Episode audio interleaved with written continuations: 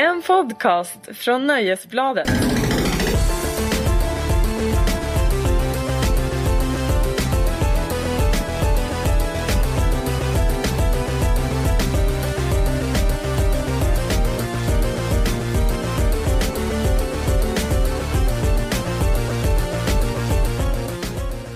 Hej! Du lyssnar på Nöjesbladets spelarpodd med mig Jonas Högberg. Beffi Karaboda. och Alfred Holmgren. Temat för dagens avsnitt är rollspel. Vi kommer bland annat att titta närmare på en del kontroversiella rollspel såsom Super Columbine Massacre men även försöka finna ett svar på varför så många hatar japanska rollspel idag och huruvida rollspel kanske kan sägas vara den ultimata formen av eskapism. Dessutom ska vi lista några av våra favoritögonblick från genren. Men först, som alltid, så är jag ju självklart nyfiken på vad det är ni spelar just nu. Effie, vad spelar Mm. du? Uh, igår kväll spelade jag faktiskt uh, A Bird Story som är det här, ja, men, ett litet storydrivet indiespel som är bara på någon timme. Um, det, det har ju typ knappt någon mekanik, man styr bara med typ två knappar. Det sägs inte ett enda ord i spelet men trots det här så blev jag ändå ganska berörd av det. Um, det handlar om en så liten, liten pojke som inte känner sig hemma i vuxenvärlden och uh, räddar en skadad fågel och de får någon slags relation och så får man följa med på deras äventyr och flygturer tillsammans. Uh, det, det blandar en slags uh, typ vardagskänsla med surrealism och det var, det var fint och, och mysigt. Skönt att det inte tog jättelång tid heller. Uh, men det känns som att de har, det gjorde de bra. Ja, det uppskattar jag. Mm. Mm. Ja, Alfred, har du något eh, som du vill dela med dig? Ja, jag har också fått mina modersinstinkter uppmuntrade. Jag har spelat XCOM, Enemy Within. Som ju också handlar om att ta hand om karaktärer och se till att de klarar sig i en stor och farlig värld och sådär. Eh, och sen har jag väl kört lite av nya Game of Thrones-spelet och sitter faktiskt och laddar ner Assassin's Creed Unity medan vi eh, spelar in det här. Så det blir nästa stora projekt. Okej, vad, vad tycker ni om Game of Thrones? För det har väl du också spelat, Effie? Jo, exakt. Um, alltså jag har ju ganska höga förväntningar för jag är här stort Game of Thrones-fan, läst alla böcker och sett allting.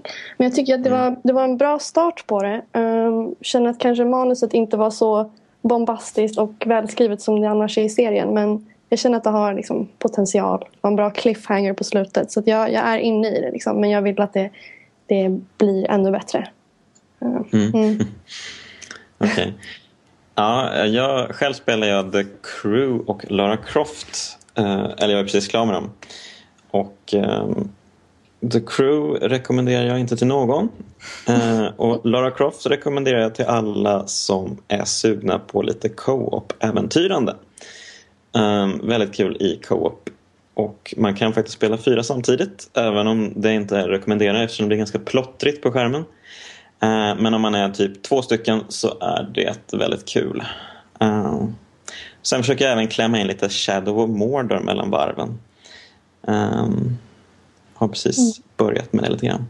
Men du, får jag bara fråga en grej om The Crew? Ja, visst. Alltså vad hände egentligen med det spelet? För jag körde det för aslänge sedan på E3 2013, så ett och ett halvt år sedan. Mm. Och då var det jätteroligt. Alltså då körde jag en sån här multiplayer-omgång när man skulle jaga folk eh, kors och tvärs i en stad som skulle föreställa Miami tror jag. Och man kunde liksom Mm. åka igenom staket och ut på stranden och liksom ta vilka vägar man ville bara man haffade sina motståndare. Då var det superroligt. Mm. Och nu har de haft liksom 3000 år till på sig och slipa det och så har det blivit jättedåligt till slut. Ja, alltså jag vet inte. Jag spelade ju inte det innan. Jag spelade det bara nu. Um, och eh, jag tyckte det var väldigt tråkigt. Um, det är ju... Visst, det kan vara ganska kul i uh, multiplayer. Men det, jag tycker det är väldigt svårt att komma in i multiplayer. Oftast så får man vänta hur länge som helst på att en, en session ska liksom äga rum. Um, och även om man kör så här co-op-uppdrag och så Uh, Det där kommer väl säkert lösa sig nu när spelet är släppt och sådär. Men även, ja, även när det var släppt så var det liksom så här, okej, vad är det som händer? Och sen så, ja, det är väldigt fult tycker jag. Um, alltså jämfört med andra bilspel som släppts i år så är det ju definitivt det fulaste jag spelat i år. Ehm, och eh, ja, men, eh, väldigt underväldigande på många sätt. Jag tycker inte att eh, körkänslan var speciellt kul heller, eller skön. Så eh, jag eh, underkänner din åsikt helt enkelt, Alfred. ja, bra. Då är vi klara med det. Och då kan vi kanske gå in på eh, veckans eh, ämne. Rollspel. Och först och främst tänkte jag att vi ska prata lite om japanska rollspel. Och varför alla hatar japanska rollspel plötsligt. Eh, som ni kanske minns så var ju eh, JRPG hetare än Eurodisco på 90-talet. Eh, kanske inte du Effie, men vi andra minns i alla fall. Ja, vi andra minns Eh, väldigt väl. Mm. Men eh, ja, nu för tiden så är det ju i princip eh, inget JRPG bortom Final Fantasy som får någon uppmärksamhet här i väst. Och samtidigt så växer ju kritiken mot eh, berättandet i de japanska rollspelen. Indieutvecklarna Phil Fish och Jonathan Blow eh, sågade som bekant hela den japanska spelindustrin eh, 2012 när de var med på ett panelsamtal och fick frågor om vad de tyckte om japanska spel. Inte bra, tyckte de. Eh, samma år gick Assassin's Creed 3-regissören Alex Hutchinson ut och eh, sågade speljournalisternas inställning till japanska spel. Han menade att vi uppvisar en sorts eh, subtil rasism när vi gång på gång förlåter de här spelens kassaberättande. Och då undrar jag helt enkelt varför kommer det här nu? Varför är det helt plötsligt så att alla tycks hata japanska rollspel? Det är en bra fråga Alfred. för att de har ju inte blivit sämre sedan 90-talet direkt. Nej, Det är väl att de hamnar i en annan relief liksom när man jämför med de västerländska. Men de västerländska har ju också sina rötter flera decennier tillbaka. Mm. Så jag vet inte, att folk har blivit äldre och mer kritiska kanske.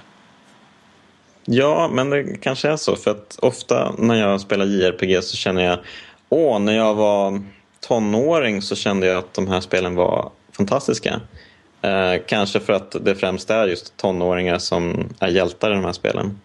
När jag var typ 15 älskade jag till exempel Final Fantasy och allt det här. Men nu eh, känner jag bara en viss avsmak mot eh, storybitarna i japanska spel oftast. Um, Mm. Känner ni igen er i det här? Alltså, jag har ju då som sagt inte vuxit upp med japanska rollspel överhuvudtaget. Um, Mm. Det här med 90-talet, alltså jag är ju bara 19 år så jag är inte förblindad av uh, storhetstiden som japanska rollspel en gång var i. Uh, så därför jag, jag hejar ju då mer på väst och kan förstå till en viss del vad, vad Fish och, och Blow menar. Uh, jag tror att, ja, men att det här blossar upp nu, eller har gjort ett tag liksom för att japanska rollspelens status håller på att sjunka och det, det känns som att de inte riktigt vet hur, hur de ska rädda det. De har ju liksom inte alls samma inflytande över spelbranschen som, ja, men som Japan tidigare har haft. Och det känns som att, eller min uppfattning är att till exempel ja, Square Enix börjar snegla lite på det här, ja, men de västerländska succéerna och de kanske vill försöka förnya sig till en viss del men att det finns en risk med det och att de japanska rollspelen hamnar i någon slags eh, ja, men, ingenmansland där det blir ja, men identitetslöst när man försöker härma väst istället för att kanske försöka lyfta fram det som utmärker en japansk story. Um, om ni förstår vad jag Mm. menar. Mm, ja, men absolut. Men eh, du, eh, du hejar alltså på västerländska spel? Ja, Eh, Alfred, vad hejar du på? Ja, för mig är det ju Japan all the way. Ja, okej. Jag är lite sliten mellan båda. Så ja, jag får väl vara någon sorts moderator i det här fallet. Då. Ehm, ja, men eh, om vi ska ta och titta närmare på det här. Då, vad, vad, vad ser ni för um, Ehm, skillnader mellan japanska och västerländska rollspel? Ja, för mig, alltså det som gjorde att jag föll för hela genren till att börja med var ju spel som Suikoden och Final Fantasy 7 på Playstation 1. Och senare också gick jag tillbaka och körde de här Super NES-klassikerna, eh, Secret of Mana och Final Fantasy-spelen där. Och Chrono Trigger och sådär. Och de var ju verkligen magiska och det tycker jag faktiskt att de är än idag. Alltså kör jag Chrono Trigger idag så okej, storyn är ju plojig men det är ett makalöst spel och det är en otrolig form av eskapism för mig. Och Mm. den kicken har jag aldrig fått av ett västerländskt rollspel faktiskt. Ehm, så för min del handlar det om att alltså västerländska rollspel kan ju vara spelmekaniskt förträffliga, säkert överlägsna japanska och tekniskt inte minst är de helt överlägsna. Men eh, story, karaktärer, musik, visuell design och sånt, alltså det tilltalar mig inte överhuvudtaget. Utan jag menar, jag tycker att ett spel som Mass Effect är liksom som en sämre science fiction-film. Jag vet att många kommer vilja mörda mig nu. Men tyvärr alltså. Eh, jag, jag klarar inte riktigt av dem.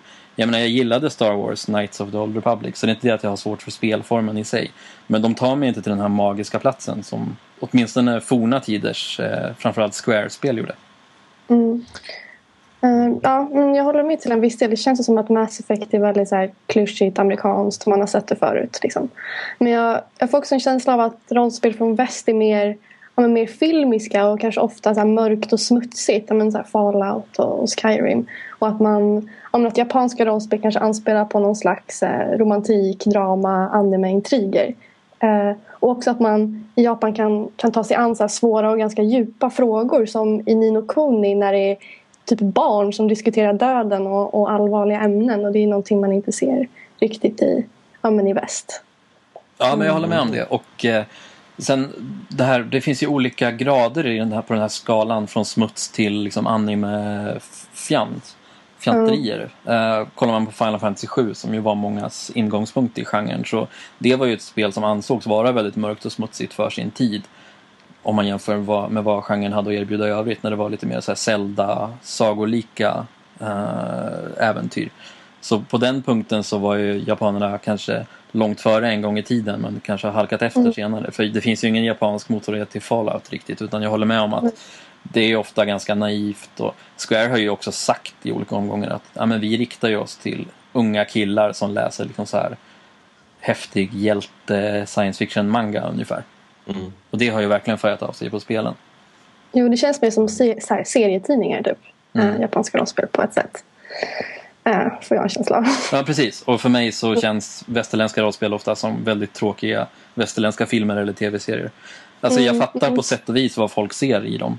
Uh, och jag har ju inte spelat alla så jag kan inte liksom uttala mig hur svepande som helst.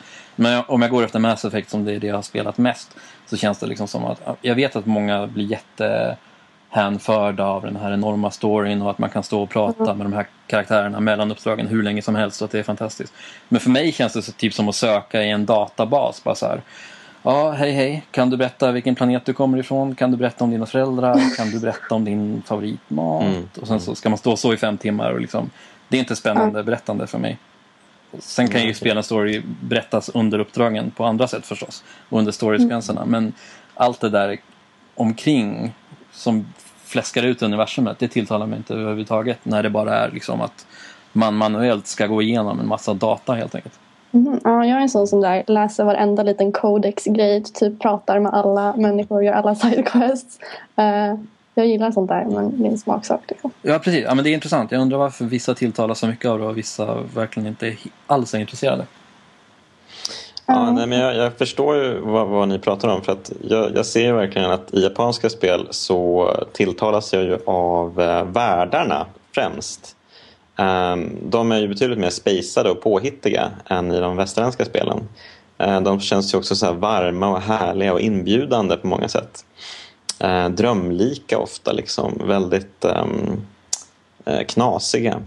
Mm. Och det, det, får man ju verkligen inte i västerländska rollspel. Um, där är det liksom rymden, Star Trek eller så är det high fantasy man går runt och tjorvar lite. Um, mm. Men samtidigt så kan ju, tycker jag ändå att det finns ett um, kanske lite större psykologiskt djup hos karaktärerna i västerländska spel som jag uppskattar. Uh, till exempel Planescape Torment, så här, vad innebär det att vara människa och så här, jättestora djupa filosofiska spörsmål. Så jag tycker att det finns um, det finns verkligen saker att gilla i båda lägren. Men det känns som Planescape Torment tas upp som någon slags alibi ganska ofta i sådana här diskussioner. När man diskuterar varför västerländska rollspel är överlägsna de japanska. Finns det inget mer aktuellt exempel som du tycker har Jo, men alltså jag tycker ju att, uh, jag tycker ju att, spel, att många Bioware-spel är ganska bra på så sätt också. Visst, de kanske inte går på djupet på samma sätt men det blir ju ändå jag vet inte, den, alltså karaktärerna känns väl lite mer mänskliga än de gör i japanska spel. Eller ja, det är i alla fall, för mig är det i alla fall intressantare att interagera med 30-åriga eh, karaktärer än typ 16-åriga som typ bara Wow! Jag ska ut och rädda världen! Nej, jag har lite ångest! så, på så sätt så, mm. Ja. Tror ni det så här, spelar någon roll att man ofta i västerländska spel får göra sin egen karaktär? Liksom det här med character customization och man får skräddarsy. Liksom. Mm, att man får en bättre relation till, eh, till sin karaktär då på något sätt. Än ja, men det, det kan finnas en poäng i det. För att, jo men absolut. Um, ja, men så kan jag tänka i alla fall. Um, japanska spel så har ju ofta en sån här fixerad hjälte som man ska liksom uh, tänka, ja den personen är jag fast den har stora spikiga blåa um, mm. hårtussar. Uh, men Ja, jo men det är sant. Det kan nog finnas en poäng i att man faktiskt får uh, se ut precis som man vill. Um... Men jag tror det handlar om mm. av vilken anledning man spelar ett rollspel. För för mig har det aldrig varit så att jag har känt mig som en del av storyn. Alltså det gör jag nästan aldrig oavsett vilken genre vi pratar om. Utan för mig känns det som att jag spelar mig igenom en färdig berättelse. Som jag kan, mm. kanske kan påverka här och där och så. Men att jag kan designa huvudkaraktären det har aldrig liksom triggat mig på något särskilt sätt. Men det handlar väl om inom vilken skola man är uppfostrad. För folk som gillar västerländska rollspel brukar tycka att det är ett liksom, enormt trumfkort. Och för mig är det en mm. axelryckning. Jag, menar, jag kan lika gärna ta en framslumpad karaktär. Som när jag har kört igenom Knights of the Old Republic flera gånger. Då har jag ju bara slumpat karaktärerna. Nej. Det är det som är typ det bästa. Jag kan sitta i flera timmar med det där och pilla på olika så här, ja, men, justera käkbenen typ. Alltså, det kan bli hur nördigt som helst. Mm. Ja, men eh, okej. Okay. Ska vi typ eh, såga Phil Fisher och Nathan Blows resonemang då? Att eh, japanska rollspel absolut förtjänar en, eh, en lite mer, uh, lite mer kärlek helt enkelt. Alltså jag skulle vilja såga Alex Hutchinson. Ja, okej. Okay. För han har jobbat med Assassin's Creed. Och han har mage att anklaga andra spel för att vara dåligt berättande. Det är ju mm. det största skämtet av alla i det här sammanhanget. Ja, det är sant. Det är en bra poäng. Assassin's Creed 3, fy fan alltså. Vilket jävla dåligt berättande. Jag fattade verkligen ingenting. Alltså, det dök upp karaktärer som jag plötsligt bara kände min huvudkaraktär. Äh, som typ hade varit kompis med honom i typ tre år. Och så bara, Vem är du? Var, var, du? var kom du ifrån? Och tänk då på att en av människorna som var inblandade i det här spelet tycker att det är rasism. Att vi tolererar berättandet i japanska spel. För hans ja. eget berättande är ju så fruktansvärt överlägset. Ja, det är fantastiskt. Ja, det är smakfullt. Fantastiskt. Ja, men bra. Jag tycker att vi tar och Ehm, går vidare eh, och pratar lite om eh, eskapism och farorna med eskapism kanske. Ehm, som vi alla vet så är det ju väldigt många människor som spelar World of Warcraft och andra online-rollspel och som faktiskt har funnit mer mening i den digitala världen än den riktiga. Det finns eh, till och med forskning som pekar på att många känner sig mer hemma där. Ehm, till exempel så har de pekat på att en av tre World of Warcraft-spelare någon gång har blivit attraherade av en annan spelare. Det finns mycket liksom kärlek och vänskap som bubblar under ytan här. Många känner sig mycket mer bekväma med eh, den sociala interaktionen i online-spel än de gör i den verkliga världen eftersom de inte blir dömda efter sitt utseende, sitt kön, sin ålder eller någon annan personlig information. Men det måste ju också finnas faror med det här. Ser du någon fara med det här, Effie? Oj, herregud. Alltså jag kan ju inte alls relatera till att så här, ja, spela online och bara bli kär i någon. Jag tycker det verkar ganska absurt. Uh, ja. Men när man tänker rent så allmänt på rollspel och faror med det. Um, att jag kan känna så att jag fastnar verkligen totalt i den här genren. Att i princip hela mitt verkliga liv tynar bort och jag bara sitter och spelar i flera hundratals timmar och lägger ner jättemycket tid på min karaktärs liv istället. Och liksom varenda mm. sidequest och main quest som aldrig tar slut. Skapa nya relationer. Och så känner man hur så här, ens verkliga relationer eh, bara totalt förfaller. uh, just nu är jag inne i Dragon Age Inquisition och har så här, avbokat alldeles för många kompisträffar för att jag är fast i min nerd cave. Så att det är väl kanske det att man, man dras in i den här världen så himla mycket att man, man glömmer bort verkligheten lite. Men Effe, du snuddar ju vid ett ganska känsligt ämne här. Eh, det var ju för, jag vet inte exakt när det var, men några år sedan massa snack om så här barn som blir spelberoende och det kom så här väldigt dåligt underbyggda larmrapporter om att si och så många procent av svenska barn är spelberoende. Och då var det ju liksom att många gamers ville visa upp en, venad, en enad front och bara nej det går inte att bli beroende av spel, det är sån jävla bullshit. Liksom. Men mm. samtidigt känns det som att det ofta så här, ganska lättsamt tas upp i sådana här sammanhang att man bara ja men just nu är jag beroende av det här spelet och jag har försummat mm. liksom, hela mitt liv för att sitta inne och spela ja. det här. Alltså, jag ser typ inte något problem med det. Jag bara, men det är fett att jag är helt inne i det här spelet. Mm. Ja, men precis. Speldesignerna designar ju spelen alltså medvetet för att folk liksom ska bli beroende också. Ja, precis. Um, det, är väl ganska, och... det är väl en öppen hemlighet. Liksom. Jag menar, mm. Speciellt om vi kollar på free to play-spel och så här Candy Crush mm. och, och åt det hållet. Då är det ju så uppenbart så att det går ju inte ens att hymla med. Nej, precis. Um, hur, hur spelar ni rollspel? Du berättar ju Effie om att du blir helt liksom, besatt av dem. Men hur... Um, men rent specifikt, hur spelar du spelen? Tar du samma beslut i spelen som du skulle göra i verkligheten? Alltså grejen är, man får ju den här möjligheten att spela som någon annan och prova på att nästan ja, men skådespela och agera på ett helt annat sätt än vad man skulle ha gjort i verkligheten. Men så hamnar man där, eller i alla fall jag, i en slags här, tråkig position där jag tar alla beslut som, jag, som speglar min verkliga personlighet och jag spelar ändå mm. som mig själv fast jag har chansen att vara någon annan. Så alltså, en del av mig vill vara så helt brutal, ond eller typ en religiös fanatiker. Något som är så, här, så, som är så långt från mig själv som möjligt. Men så lyckas jag aldrig fullborda det här och det är så himla tråkigt egentligen att man alltid, ja, man alltid spelar som sig själv. Ja, eller så är det kanske väldigt sunt. Jag vet inte. Ja, um, för jag menar visst, det, det, alltså, jag skulle också vilja leva ut en lite mer ondare sida av mig själv i rollspel. Men det är ju till en viss gräns också. Ehm, det får ju inte gå för långt. Jag tror att ingen av oss skulle vilja göra aktiva val i ett rollspel där vi till exempel beordrar vår karaktär att våldta en annan karaktär. Det, det känns ju mm. liksom helt frånstötande. Men ändå så pratas det om att ja, men man vill ju vara, man vill vara någon annan, man vill vara någon lite coolare, man kanske vill vara en ond person och sådär. Men det finns ju ändå en barriär som i alla fall jag inte vill korsa. Um. Hur ser ni på det här? Alltså det, det, där får mig att tänka på en annan kontrovers. Som, det här Rapeplay som mm. det stormade kring för några år sedan. Då var det ju folk, när vi skrev om det på Aftonbladet eh, så skrev vi typ att eh, bla bla bla, det här kommer ju ingen försvara i Sverige och det är, säljs inte på Amazon och så vidare. Men då var det ganska många kommentarer som ändå sa, jo men det kan säkert vara bra med sådana här spel. För de som verkligen vill begå sådana här brottsliga handlingar, de kan göra det i spelet då istället för verkligheten. Uh, apropå det du säger om hur långt man ska gå, i, eller hur långt man kan leva med sig själv om man går i ett spel och vilka mm. möjligheter man kan få, vilka konsekvenser det kan få i verkliga livet. Det är svårt mm, att testa om spel verkligen kan ha den här effekten. Att om man får mörda någon i ett rollspel så struntar man i att göra det i verkligheten. Men... Mm. mm. Ja, men alltså det, det är lite psycho att så här, gå fullt ut i att vara ond. Alltså... Say hello to a new era of mental health care.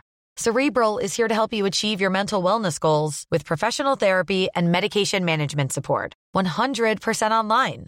You'll experience the all new Cerebral Way, an innovative approach to mental wellness designed around you. You'll get a personalized treatment plan from a therapist, prescriber, or both in a safe and judgment free space. Your cerebral therapist or prescriber will outline a customized plan with clear milestones along the way so you can get to feeling your best. With Cerebral, you're not alone in your mental health journey. We're here to empower you to live a fulfilling life. So take that first step towards a brighter future and sign up today at cerebral.com slash podcast and use code ACasts to get 15% off your first month. Offer only valid on monthly plans. Other exclusions may apply. Offer ends July 31st, 2024. See site for details. Det borde ju ringa varningsklockor typ när man träffar någon som bara, ah, men jag spelade 100% Renegade i Mass Effect. Alltså det, det är ändå lite det är lite mm. sjukt. Tycker du? Du tycker inte att, det kan, att man kan se det som ett så roligt experiment bara? Se hur långt man kan driva sig själv? Ja, kanske. Jag inte. Men jag, jag, kan verkligen inte ta de besluten och bara köra helt Renegade. Det går fan inte. Det, nej, jag, jag förstår inte det där. Nej, men jag, jag håller med dig. Jag... Nej, precis. Jag, jag spelar egentligen som mig själv när jag spelar rollspel. Det, det, det är ju det där att man kan placera sig själv i en annan värld som är intressant för mig. Att jag helt plötsligt placeras i en typ high fantasy-värld och typ får Um, och då, då, skulle jag ju inte bli så här en kringstrykande galning på landsbygden och typ, som typ går runt och mördar folk utan jag skulle liksom uh, hjälp, jag måste försöka hitta någon sorts mål och mening här. Jag måste försöka uh, okej, okay, jag går med ett guild istället som verkar schysst eller något sådär. Mm. Ja. ja, men intressant. Um, Ska vi ta och gå vidare kanske då till, ehm, för vi har ju redan, redan gått in på det här lite med kontroversiella element. Jag tänkte att vi skulle prata mer specifikt då om just väldigt kontroversiella rollspel. Ehm, mm. Det finns ju en rad sådana, eh, bland annat eh, Virtual Jihadi. Alfred, vad vet du om det spelet? Ja, men det började som ett spel som hette Quest for Saddam då man helt enkelt, ja men det var ett väldigt rudimentärt FPS från 2003. Det såg ut lite grann som Counter-Strike i grafisk kvalitet. Och eh, ja, det gick ut på att man skulle besegra irakiska styrkor och så. Det var i samband med invasionen där. Ehm, och sen gjorde Al-Qaida en mod till det spelet. Eh, då de liksom skinnade om det och döpte om det till The Night of Bush Capturing. Så att man istället skulle fånga George Bush. Vilket ju var en, en märklig taktik till att börja med. Jag vet inte om den är effektiv eller så. Men dessutom finns det ännu en twist på den här storyn. Som om det inte var kontroversiellt nog att uh, Al-Qaida gjorde ett spel. Och det är att det finns en uh, konstnär som heter Wafa Bilal. Jag vet inte hur det uttalas. Jag gjorde mitt bästa försök där. Och han hackade Al-Qaidas hackade version för att göra vad som kallas en mer nyanserad tolkning av den. Uh, och då spelar man som en person som, ha, som är en självmordsbombare. Vars, en, alltså en, eh, en arabisk man vars bror har blivit dödad i kriget. Och sen rekryteras han till Al-Qaida och eh, ansluter sig då till kampen för att besegra amerikanerna. Och det ska då vara eh, den här konstnärens mål är att liksom framställa, framställa hur de civila vad ska man säga, hur deras psykologiska mekanismer funkar när de kan ansluta sig till en sida som i våra västerländska ögon är liksom uppenbart ond. Eh, och mm. ja, självklart blev det här inte helt okontroversiellt det här spelet. Oj, ja, mm. jösses. Det låter superspännande. Ja, jag håller med. Och det har ju dessutom passerat gränsen in i konstvärlden så att det blir liksom svårt att bedöma det som, mm. ja, men som säger man bedömer ett GTA. Ja, precis. Um, det finns ju även um, FE, vad, vad, vet du om uh, Super Columbine Massacre? För du, ja. du har ju um, kikat på det va? Jo, nej, men det är väl liksom ett praktexempel på ett extremt kontroversiellt rollspel. Och, alltså egentligen vill man typ inte ens spekulera kring vad de vill säga med det här för jag tycker bara att skaparna har gjort det så himla enkelt för sig. De har liksom tagit storyn rakt av. Um, baserat den på den här skolmassakern som skedde, vad var det, 99 tror jag. Uh, och man spelar som de här två mördarna. Man får liksom poäng uh, när man skjuter ner olika elever. Och visst är det här liksom ja, men, extremt oetiskt. Särskilt där det finns familjer som, som fortfarande sörjer över det här. Och så. Men jag tycker att um, ja, men det är intressant att se liksom varför vi blir så provocerade av det här spelet. Och jag tror, mm. eller det jag känner i alla fall att en grej, eller grejen med våld i spel är att man ofta, att vi klarar av det är att vi ofta distanserar oss till det. För att man inte har någon stark relation till karaktärer eller handlingen. Liksom man kan kötta i Destiny eller COD och inte riktigt bry sig för att man vet att, ja, men man vet inte så mycket mer än att uppdraget är att döda de här ja, men ondingarna. Men när man, när man placeras in i en annan eh, man, man sitter i en annan sits när man spelar Columbine-spelet för man har ett kontext och alla har en relation till den här berättelsen. Man vet exakt vad som har hänt. Så om man inte är helt störd så, så känner man ju uppenbarligen något för inför alla de här dödsoffren och de drabbade. Så det blir helt plötsligt konstigt att här, spela den här rollen som en mördare, kötta ner en massa elever för att vi vet för mycket om bakgrundshistorien och det blir, det blir svårt att vara, att vara okänslig och bara låtsas att det är ett rollspel. För att rollen vi spelar har ju varit verklig. Liksom. Men mm. han eh, som skapar den här spelskaparens intention var väl att eh, på något sätt eh, lyfta att försöka förklara uh, mördarnas, alltså vad det var som mm. drev dem till det här. Är inte det en um, lovvärd intention då? Att försöka förmänskliga ondskan på något sätt? Men vill man ens så här, Ah, jag vet inte om jag vill sätta mig in i den positionen ens och veta hur de känner. Alltså jag känner liksom ingen empati för dem överhuvudtaget. Men jag tycker att så här, det hade kunnat vara en intressant vinkel på ett rollspel om man till exempel hade spelat som, som en elev som gick på skolan och ens uppdrag var att här, försöka överleva, hitta vapen. Man ser hur alla ens kompisar skjuts ner och man står inför olika beslut. Bara, ah, men, vem ska jag rädda? Eller något slags rollspel med etiska situationer. Och att det kanske slutar med att man trots allt överlever. Och det hade gett ett nytt perspektiv på det hela och liksom, då hade rollspelsgenren kunnat hjälpa oss att förstå hur det kändes att vara med under massakern. Och det hade då kunnat väcka någon slags om en empati istället för den här äckelkänslan som jag får när man spelar som den här mördaren. Alltså det går, jag kan bara inte förstå deras motiv eller nej, jag tycker det känns konstigt. Men jag förstår poängen med det du säger Jonas. För att liksom, syftet med att förmänskliga ondska är väl att försöka lära sig förstå hur den kan uppstå och förhoppningsvis förebygga den i framtiden. Alltså även om det tar emot. Och jag tycker att det här är ett jättespännande experiment. Alltså jag ska inte säga att det har lyckats fullt ut och sådär men jag tycker ansatsen är verkligen intressant och den får inte mig att reagera liksom så instinktivt negativt utan jag tycker att det här det är spännande att även det här ryms under spelparaplyet så att säga. Saker som verkligen får en att känna, tänka till och kanske känna avsky och se annorlunda på en obehaglig situation som har skett i verkliga livet. Också den här dragkampen mellan den laddning som spelet får av vad man vet om verklighetens attentat. För om man inte kände till det så hade väl spelet, då hade man väl inte känt något särskilt kanske. Men, men nu är det det här att man då drivs framåt av poäng, poängjakten men hålls tillbaka av den här känslan av att nej men vänta, det här är ju en tragedi. Jag vet ju hur det här liksom slet människors liv i stycken. Ja, just det. Ja. Mm. Ja, herregud. Men eh, vad, vad, säger ni? Är liksom kontroversiella rollspel den här typen, är det av hävd ett politiskt rollspel? Finns det liksom um, Finns det någon intention där hos skaparna att de vill um, alltså skapa något sorts uh, politiskt, uh, är det något sorts politiskt rävspel från dem? Att de vill påverka på något sätt? Eller, uh, ja.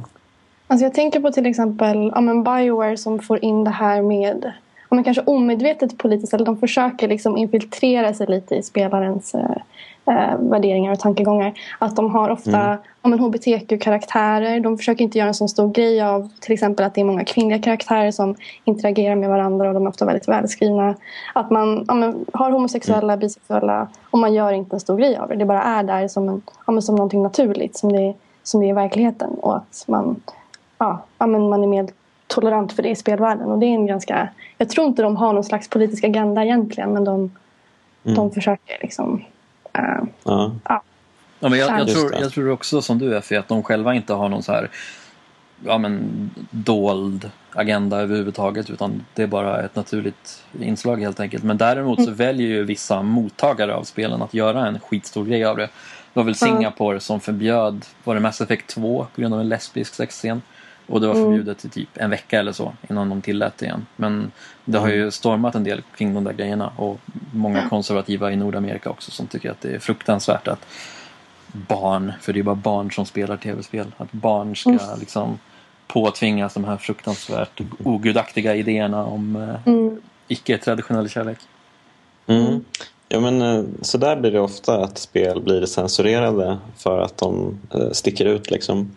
Jag, tänk, jag tänkte just på just The Stick of Truth, uh, South Park-spelet. Mm. Som släpptes förra året var det väl kanske? Nej, det var i år. Uh, var det i år till och med? Herregud vad jag ligger efter. uh, Eller före, för du tycker det var så länge sedan. Ja, ja men så är det nog. Uh, jo men det spelet fick ju i alla fall uh, väldigt stor uppmärksamhet i media eftersom Uh, Ubisoft hade liksom begått självcensur på spelet uh, för att kunna släppa det uh, helt och hållet i vissa territorier. Här i Europa så blev ju liksom Playstation 3 och Xbox 360-versionen av spelet censurerat i viss mån. Man liksom klippte bort vissa scener där utomjordingar, vad kallar man det, anal probade vissa karaktärer. Och det fanns även en abortscen som var interaktiv som klipptes bort. Um, och det där sista kan jag ju till viss del förstå för det är ju ganska osmakligt. Um, um, tycker jag i alla fall. Uh, men samtidigt så är det ju korkat att uh, censurera också tycker jag. Uh, svårt. Mm, det är svårt. Det blir så här intressant yttrandefrihetsfrågeställning. Liksom. När det är i ett spel, det är den här jättegamla frågan. När man mördar i ett spel, är det verkligen värre än när man ser någon mördas i en film? Det vill säga när man Ja, själv precis. hetsas Mm. att medverka. Eh, Mm. Är det mer motiverat att det censureras då? Och i det här fallet så tyckte Ubisoft det i alla fall. Mm. Mm. Ja. Mm. Ehm, ja, ja, men eh, även om det kan finnas dåliga exempel så finns det ju självklart lovvärda exempel som du pekar på, Effie. Det här med att uh, Bioware lyfter fram kvinnor och rasfrågor Exakt. och hbtq-personer och sådär. Mhm. Ehm, bra. Ja, men vi kanske ska ta och eh, nu på upploppet känner jag så då kanske vi lika gärna kan gå raka vägen in på vad vi tycker är våra liksom, bästa rollspelsminnen. Ehm, och avsluta on a high note. Ehm, Mm. Alfred, har du något kul att berätta om? Ja, jag har tänkt ganska mycket på Final Fantasy 7 på sistone. Det här, Mm. Nu återkommer jag lite till det förra ämnet, för det har ju blivit väldigt kontroversiellt bara de senaste veckorna. Efter där på Playstation Experience när det visades en trailer för vad folk trodde skulle bli en remake. För det har ju folk väntat på ända sedan eh, 1997. Men istället så är det bara Ja, PC-versionen som konverteras till PS4. Och folk blev ju verkligen helt tokiga, vilket man kan förstå. För det kändes ju nästan som att Square Enix trollade oss helt avsiktligt. För de vet ju hur länge vi har väntat på det här. Och så här. De har droppat hints, så här, någon gång per år har det varit antingen en Square Enix eh, ansluten figur eller någon på Sony typ som har liksom hintat om att ja men kanske, kanske kommer det. När hårdvaran är tillräckligt bra och vi har övat tillräckligt mycket med våra spelmotorer, då kommer vi göra en remake. Och nu trodde man liksom att ah, shit, nu, nu äntligen händer det, nu släpper de bomben. Och så blev det bara samma gamla spel en gång till. Eh, Så jag förstår ju verkligen vreden mot det, men samtidigt så kan inte det liksom kväva de vackra minnen jag har av det spelet. När jag spelade Mm. det så var jag 13 år gammal, så då var jag verkligen mottaglig för den här sortens vad ska man säga, lite såsigare historier. Men jag tycker än idag när jag har spelat om det att det är ett otroligt vackert spel. Alltså det är ju extremt Mm. snyggt. Jag tycker den visuella designen är skithäftig och de här världarna de byggde upp med den primitiva tekniken var verkligen långt före sin tid. Och att det har liksom spel, spelhistoriens bästa soundtrack i ett stort sätt. Så att det sammanfattar väldigt mycket av det som gör att jag Mm. föll för rollspelsgenren till att börja med och som jag då fortfarande inte riktigt tycker att jag hittar i, säg, Biowares rollspel. Ja, just det. Har du någon favoritscen från Final Fantasy 7? Mm, svårt, men första gången man kommer till Cosmo Canyon och hör det här äh, legendariska jätte, jättevackra Mm. temat, det tycker jag är fantastiskt. Fast det blir nästan första gången man ser varje område är en av de bästa scenerna i spelhistorien för mig. Att allting är så himla vackert det är så fin, Okej. fina musikteman till allting. Härligt. Effie, vad har du att berätta om? Jag är ju faktiskt, till skillnad från Alfred, ett stort fan av Bioware eh, och Dragon Age framför allt. Så att så här, egentligen skulle jag kunna prata om det här i evigheter och fangirla och så här, göra bort mig totalt. Men eh, det är ofta de karaktärer som så här, ger störst intryck på mig är ofta de karaktärer man bygger upp en relation med eller som man romansar. Ehm, till exempel i Mass Effect var det uh, Garrus och i Dragon Age Alistair. Så, att, så här, de bästa ögonblicken var ändå med de karaktärerna skulle jag säga. Ehm, för att man blir helt så här, ja men man går in i det så himla mycket och jag vet att ja, men det, det finns en så himla stor grej på internet också med massa forum och man bara analyserar de här karaktärerna och alla olika beslut och grejer. Ehm, men just ett, ett mäktigt eh, ögonblick tror jag ändå var i, i Dragon Age Origins när man skulle gå in i staden Denerim och döda eh, The Archdemon och så står man liksom där och bara går in i den här byn och alla, alla invånare står och typ hejar på en och skriker och det är massa man ser liksom det här eh, kriget i bakgrunden och all eld och grejer. Det är bara så himla töntigt egentligen och superamerikanskt. Men sånt där, sånt där gör mig liksom jättegråt, eh. Och ja, det var fint. Det var jättefint. När jag tänker tillbaka på det blir jag, blir jag glad. Mm. Vad härligt. Ja, mm. jag, av någon konstig anledning så är det äh, ett ganska konstigt äh, ögonblick som har dröjt sig fast hos mig kanske mest av allt. Och då tänker jag på Fallout 3. Äh, som i min mening kanske till och med är det bästa Fallout-spelet. Det är lite av en kontroversiell åsikt med tanke på mm. att ettan och tvåan brukar hyllas som de bästa. Men eh, jag har så många härliga minnen från Fallout 3. Eh, när man stöter på den här lilla barnbyn eh, inne i berget där det alltså bara bor barn och de liksom har liksom, eh, ja, uppfostrar sig själva på något sätt. Och eh, den här märkliga träd, levande trädet uppe i bergen. Eh, det fanns liksom så mycket att eh, upptäcka i det spelet. Man liksom gav sig ut i ingenstans och så hamnade man på så märkliga platser och så underbara saker som skedde. Och det jag tänkte berätta om är när man kommer fram till en övergiven tågvagn i spelet. Och om man letar runt lite där så hittar man till slut en bur eh, som det finns en teddybjörn instängd i. Och när jag såg det här första gången förstod jag verkligen ingenting. Eh, jaha, det här var udda. Så jag började mm, ta fram mina lockpicks och eh, fick upp burdörren, plockade på mig teddybjörnen. Tänkte, ja ja visst en teddybjörn, det kan man ju alltid ha nytta av på något sätt kanske. Eh, och från ingenstans så ser jag då plötsligt hur en supermutant Behemoth dyker upp. Fullständigt tokig! Alltså totalt vansinnig och bara stormar fram mot mig och jag bara skriker och det blir värsta fighten och sen eh, till slut när jag lyckats döda den här monstret så inser jag Ja, ja, ja. Det var ju hans teddybjörn. Underbart. Fantastiskt. Mm. Ja. Ähm, finns det någon, eh, alltså, om vi tänker rent så specifikt, äh, finns det någon spelkaraktär från rollspel som ni eh, som gjort något särskilt intryck på er. Du pratade ju lite Effie om eh, mm. dina romances. Ja, exakt. Det... Ja, de, de är jag kanske lite, så här, lite obsessed med. Men jag tänker typ ganska nyligen var det här om Child of Light som var typ plattformsrollspel. Eh, mm. Där det var en huvudkaraktären Aurora som bara är någon, om ett litet barn. Typ en liten flicka som man får se hur hon växer upp eh, lite och blir så starkare och starkare. Och eh, Eh, alltså hon, har, hon kanske inte är så jättenyanserad och har världens djup. Liksom. Men man, jag blev ändå berörd av det här. Men en liten tjej med ett, ett jättestort svärd som försöker hitta sin plats. Typ. Och det var så himla, just det här att spelet är akvarell och eh, kändes så sårbart på något sätt. Att jag blev bara berörd av den estetiken och just, just den karaktären fast hon kanske inte var liksom jätte, jättevälskriven så. Mm. Mm. Mm.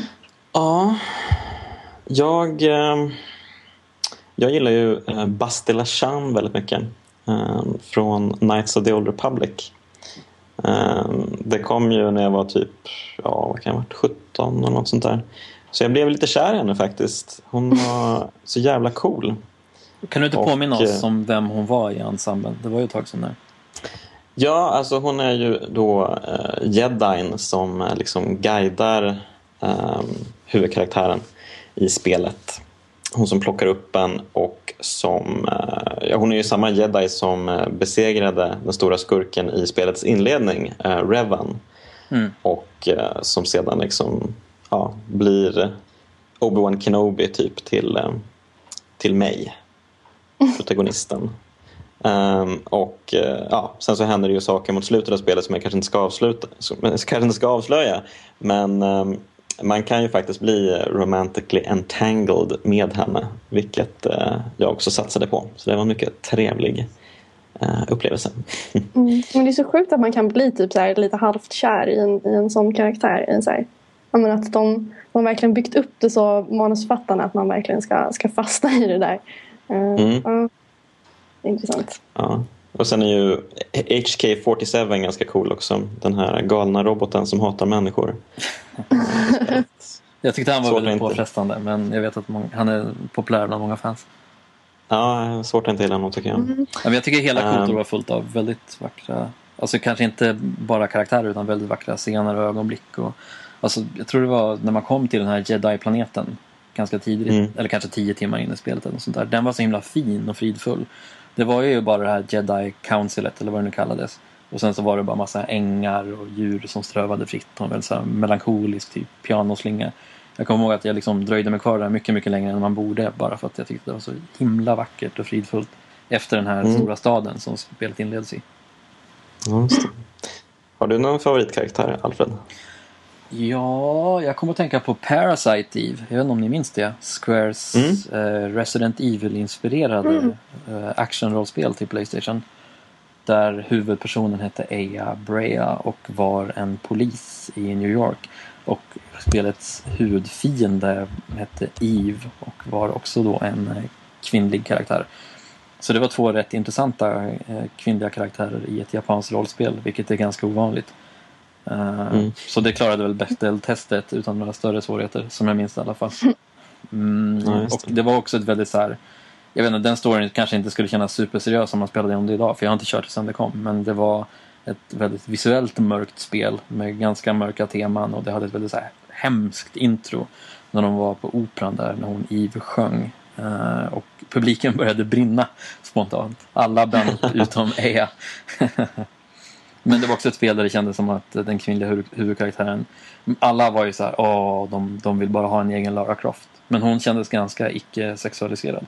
Det var liksom bara inledningen hon hade en klänning på sig. Sen resten av spelet har jag för mig att hon hade liksom poli- polisuniform. Ehm, så att, eh, Mm. ja, men det vill jag ge dem props för. Så här, Mm. 15 år i efterhand. Bra jobbat. Ehm, ja, är det något mer ni vill säga om eh, rollspel? Ehm, det är bra skit helt enkelt. Ja. Ja, och ge oss en FF7-remake någon jävla gång. Exakt. Lyssna noga nu Square. Och en Final Ja. Fantasy Tactics remake och en Vagrant Story remake. Åh, lovar jag Vagrant Story. Mm, fina minnen där med. Ja, eller hur? Ja, härligt. Ja, ehm, du har lyssnat på Nöjesbladets spelarpodd med mig, Jonas Högberg, Alfred Holmgren och Effie Karabuda.